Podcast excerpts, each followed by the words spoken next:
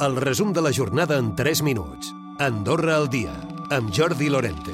S'acaba el termini que expirarà a les 3 de la tarda d'aquest divendres perquè els veïns dels edificis 28 i 30 de l'Avinguda Santa Coloma desallotgin del tot el seu pis, el comú denunciava fa temps passivitat dels propietaris dels dos blocs desallotjats per les esquerdes, unes paraules que han molestat. De fet, una de les propietats ha pres accions legals contra el Comú i els promotors de l'edifici de l'obra del davant. De fet, eh, el propietari de l'Hotel Bellpí, al número 30 de l'Avinguda Santa Coloma, diu que de moment s'ho està pensant. No preveu emprendre, hores d'ara, accions judicials. És Gerard Lliset. Me van preguntar, dic, home, de moment no, vull veure primer per on van els tiros. Dic, de moment, si a mi me, no me toquen els nassos i això, pues, de moment no, però estic veient que com ha perjudicat, a, a sobre sóc el dolent de la pel·lícula i, a, i per aquí no passo. El Comú destaca que fins al moment s'han hagut de fer càrrec de tots els costos que han tingut les accions. David Astrier. De moment el Comú està assumint totes les despeses, igual que vam assumir els 150.000 euros de la, primera, de la primera vegada que vam haver de desallotjar l'edifici. Tot això després doncs, anirà a càrrec doncs, de, de les assegurances de, de les diferents parts i ja veurem doncs, eh, al final com es reparteixen tot això, tots aquests costos.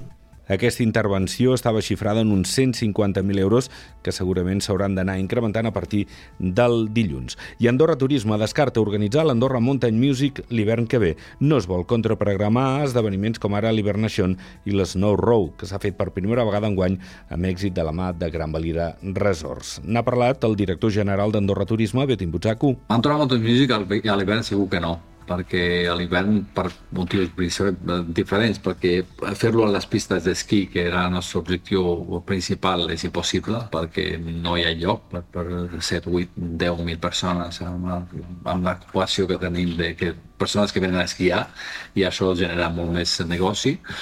Uh, a part d'això, és de més diferents que s'estan fent, és a dir, no podem contraprogramar-nos a nosaltres mateixos. I mentre Calder ha tancat els mesos de juliol i agost amb uns ingressos de 5 milions d'euros, és un 7% més que els mesos de juliol i agost de l'any passat. S'ha aconseguit sobretot amb una pujada del 10% del tiquet mitjà de les entrades. I Sant Julià de Lòria estrenarà una aplicació amb descomptes als comerços de la parròquia. La idea és que el visitant que arribi a Sant Julià i compri en un comerç rebi un descompte que podrà utilitzar en un altre negoci de la parròquia. El cost econòmic dels descomptes els assumirà el govern i es pretén que l'aplicació l'aplicació pugui començar a funcionar al Nadal. I la temporada de música i dansa d'Andorra la Vella arriba enguany amb dues actuacions. La soprano Sandra Radvanovski actuarà el 14 d'octubre i el ballet d'Antonio Najarro l'11 de novembre. Tots dos espectacles seran al centre de congressos de la capital. Les entrades ja són a la venda. Recupera el resum de la jornada cada dia a AndorraDifusió.d i a les plataformes de podcast.